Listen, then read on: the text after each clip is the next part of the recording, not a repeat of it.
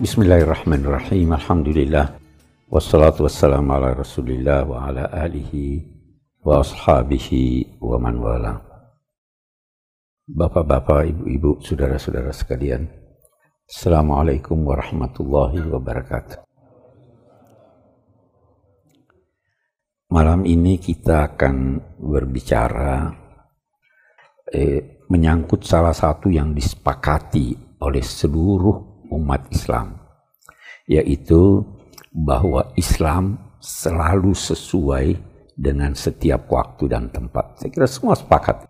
Islam sesuai dengan di mana pun Anda berada, kapan pun Anda berada, maka ajaran Islam itu eh, eh, sesuai dengan tempat dan keadaan.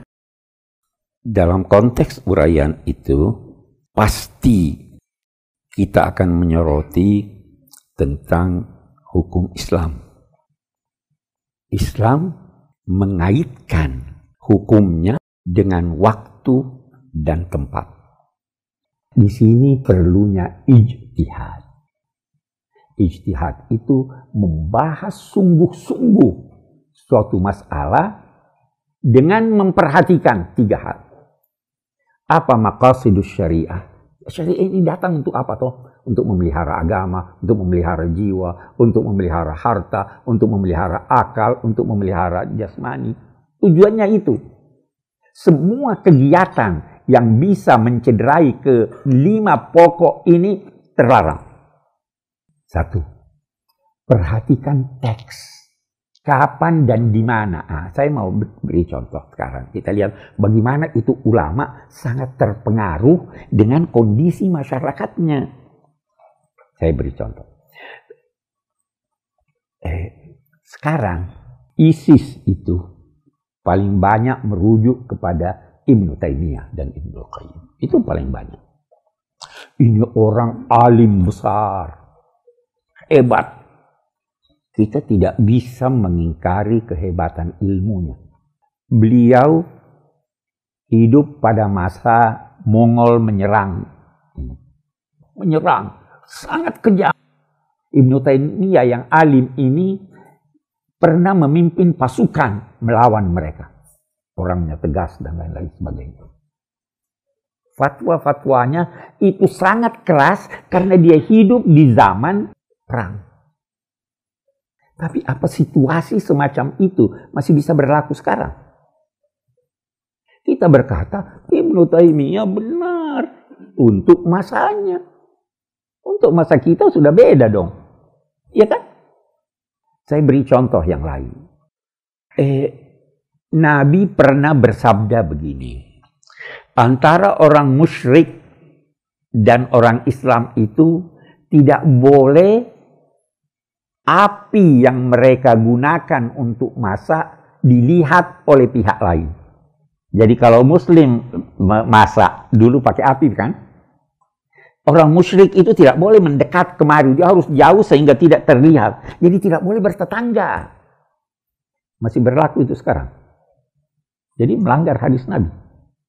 Tafsir Al-Baydawi itu dibaca di pesantren-pesantren. Berkata begitu, tidak bertemu api keduanya. Kenapa? Dikhawatirkan mereka mengganggu kaum muslimin. Saya berkomentar bahwa sekarang ada orang hidup di negeri Islam yang merasa lebih aman hidup di Amerika atau di Kanada daripada di sini. Ada tidak? Hukum begitu. Tidak serta-merta. Nah, kita lihat sekarang. Dulu orang berijtihad saking banyaknya sehingga membingungkan. Jadi apa yang dilakukan oleh ulama-ulama sepakat tutup pintu ijtihad tidak boleh ada.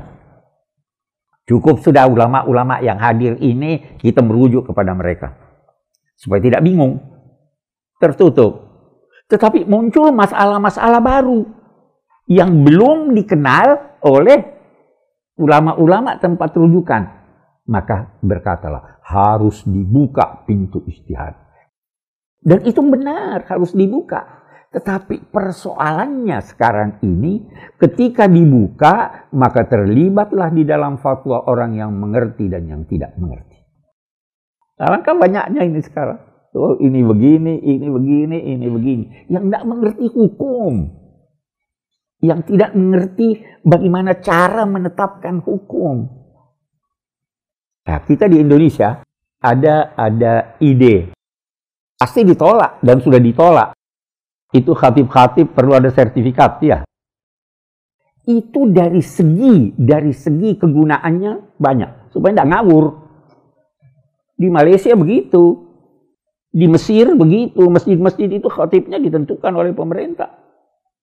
Tapi kita di sini tidak berani kan? Baru muncul itu sudah ini. Tapi untuk kemaslahatannya begitu. Nah, bagaimana caranya kata yang melarang ini? Biar masyarakat yang memilih dan menilai. Nah, tapi sekarang masyarakat ngerti tidak? Jadi bagaimana nih kita terhindar dari ini? Apa yang harus kita lakukan? Yang benar biasa dinilai sesat. Ya kan? Yang nggak benar, wah itu ulama besar. Kacau dunia ini. Eh, eh, saya ingin eh, memberi gambaran lebih jauh tentang eh, ini. Eh, di dalam menetapkan hukum, Anda harus merujuk kepada pertama teks. Eh, teks ini ada berkaitan dengan ibadah, ada yang berkaitan dengan non-ibadah. Kalau berkaitan dengan ibadah, terima apa adanya, tidak perlu bahas. Misalnya, sholat bohor itu masuk begitu matahari tergelincir. Sholat dohor itu empat rakaat. Bisa dicari apa sebabnya? boleh jadi Anda bisa tahu bohor sebabnya adalah eh, karena eh, matahari sudah tergelincir. Tapi kenapa ditetapkan seperti itu? Kalau ibadah, Anda harus terima apa adanya. Tapi kalau non ibadah, harus Anda cari mengapa seperti ini. Ya kan itu rumusnya. Maka kita harus cari apa sebabnya begini. Nah, ada dalam eh, hukum itu ada yang dinamai hikmah, ada yang dinamai ilat sebab hukum. Ilat itu adalah sesuatu yang terukur. Bisa terukur. Yang melekat pada suatu hukum sehingga kalau ilat atau sesuatu yang terukur itu ada pada rincian hukum itu, maka hukum itu tetap berlaku. Kalau tidak ada, tidak ada. Saya beri contoh, saya beri contoh. Kalau Anda musafir, boleh tidak Anda menjamak salat dua-dua? Apa sebabnya? Boleh. Apakah karena Anda letih atau karena Anda dalam perjalanan? Kenapa bukan karena letih? Karena letih tidak ada ukurannya. Tapi kalau perjalanan ada ukurannya. Coba lihat. Itu dicari itu. Dalam menetapkan hukum. Orang memerlukan apa yang dinamai fiqh. Pengetahuan yang mendalam. Yang bukti-buktinya bisa jadi tidak ditemukan di dalam teks yang melarang. Tapi dalam keadaan seseorang. Keadaan seseorang saya beri contoh, saya beri contoh. Itu Nabi Yusuf dipaksa oleh Zulaikha, ya kan? Bingung. Suami mendapati istrinya kejar-kejaran ini, ini, dia ganggu saya. Terus ada satu orang yang memberi putusan. Dia katakan begini. Dia tidak ambil dari teks. Dia tidak ambil dari teks. Dia katakan begini. Lihatlah bajunya. Kalau sobek dari depan, itu Yusuf bohong. Kalau sobek dari belakang, dia bohong. Itu ada di teks atau tidak? Tidak ada di teks. Ya kan? Itu pemahaman. Sayyidina Ali, kita lihat menetapkan hukum begini. Berapa masa kehamilan yang paling singkat? Berapa bulan? tujuh, enggak, enam bulan. Dari mana bahwa Sayyidina Ali? Dia baca itu ayat. Hamluhu wa fisaluhu salasuna syahra. Mengandung dan eh, eh, menyelesaikan penyusuannya itu jumlahnya minimal 30 bulan. Lalu di tempat lain masa penyusuan itu 2 tahun yakni 24 bulan. 30 kurang 24 berapa? 6, 6 bulan. Tidak ada di teks tapi dia gabung ini. Ada dalam menetapkan hukum perbandingan yang mana yang lebih baik. Saya mau beri contoh lagi di Quran. Yang ini biasa orang eh, tidak mau. Tanya, ini teksnya sudah begini, sudah harus begini. Padahal ada perbandingan dong. Saya beri contoh. Dua orang nabi. Nabi Daud dan Nabi Sulaiman. Datang kepada mereka dua orang bersengketa satu pemilik kebun dan satu pemilik ternak. Pemilik ternak ini masuk ke kebun itu dan merusak kebun. Dia datang putuskan ini bagaimana. Nabi Daud memutuskan, hai pemilik ternak, karena ternakmu sudah merusak ini dan merugikan setiap pemilik kebun, maka ternakmu berikan padanya. Nabi Sulaiman berkata, ayah tunggu dulu. Bagaimana kalau begini? Itu ternak diberikan kepada pemilik kebun. Pemilik ternak ini ditugaskan memelihara kebun itu sampai kembali kepada keadaannya semula. Selama itu, kalau ternaknya ini punya susu, punya anak, itu menjadi milik yang bersangkutan. Tapi kalau sudah tumbuh, sudah baik kembali kebun ini, maka masing-masing mengambil haknya semula. Alternatif atau tidak? Yang mana lebih bagus? Dua-duanya, kata Al-Quran, Ulan atainahu hukman. Dua-duanya kami beri kemampuan untuk memberi putusan. Tapi wafahamnaha Sulaiman. Sulaiman lebih faham. Bandingkan dong. Nah, lihat itu tadi.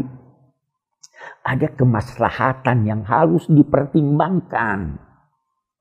Kemajuan ilmu menawarkan kepada kita sekian banyak hal yang bisa digunakan untuk menetapkan hukum. Yang bisa digunakan untuk mencari ilat. Saya kembali lagi sekarang. Nah, kita lihat. Itu yang menetapkan hukum, yang memberi fatwa. Itu hanya ulama dalam bidang agama. Hanya MUI. Jangan bilang tidak. Ada yang bilang hanya MUI. Ya kan? Apa memang begitu? Waktu zaman Pak Kiai Hasan Basri, kita ada isu eh, minta fatwa tentang kodok, halal atau haram. Dilibatkan itu ahli-ahli kodok. Gimana ini? Kita harus libatkan. Siapa yang paling tahu tentang keamanan? Jadi menurut saya wajar-wajar saja Asal jangan memaksa pendapatnya. Tapi menjadi bahan pertimbangan. Jangan serta-merta menolak. Tapi kan serta-merta ditolak itu. Gimana ini? Enggak benar. Kemaslahatan. Ah, ada. Kita lihat, kita lihat. Saya mau cerita, ini ada ada kaitannya dengan ini. Dalam ajaran agama, sebaik mungkin Anda menutupi kesalahan orang. Siapa yang menutupi kesalahan seseorang, aib seseorang di dunia ini, Allah akan menutupi aibnya di hari kemudian. Prinsip ya. Itu sebabnya misalnya ada seorang eh, melamar anak Anda. Dia tanya pendapat Anda, bagaimana si A itu? Anda kenal dia. Dia peminum, dia pencuri, dia korupsi, dia kurang ajar, akhlaknya buruk, dan lain-lain sebagainya. Apa yang harus Anda katakan kepada yang bertanya pada Anda? Harus telanjangi semuanya? Atau cukup memberikan satu alasan sehingga dia menolaknya? Bagaimana itu? Cukup. Oh, saya kira dia tidak cocok tuh akhlaknya kurang baik. Nah, selesai. Anda tidak sebut secara rinci. Itu tuntunan agama. Apalagi kalau itu belum tentu. Saya mau beri contoh. Di zaman Nabi, ada seorang bernama Ma'iz. Didapati sedang berzina.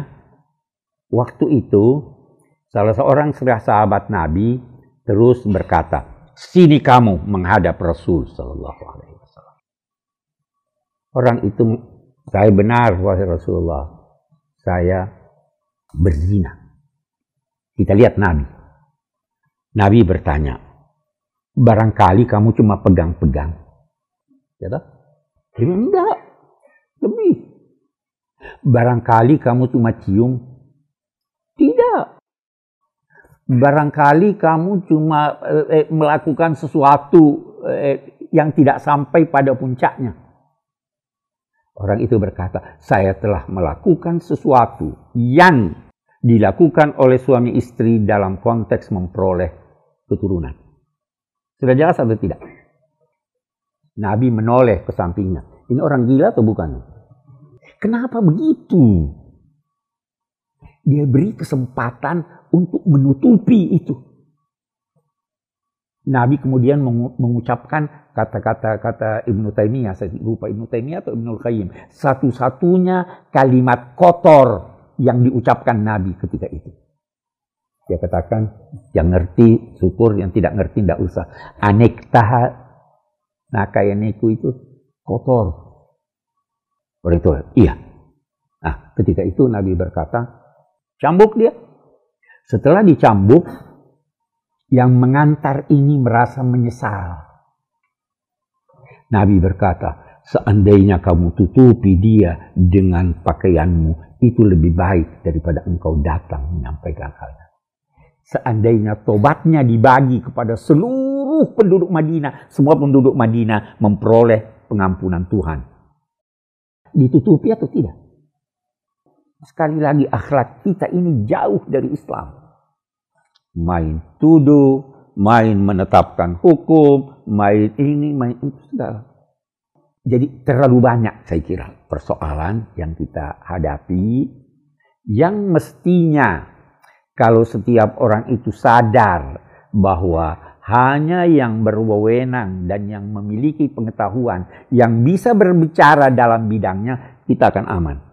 Tapi begitu kita mau eh, katakan seperti itu muncul HAM, hak asasi, kebebasan pers dan lain-lain sebagainya.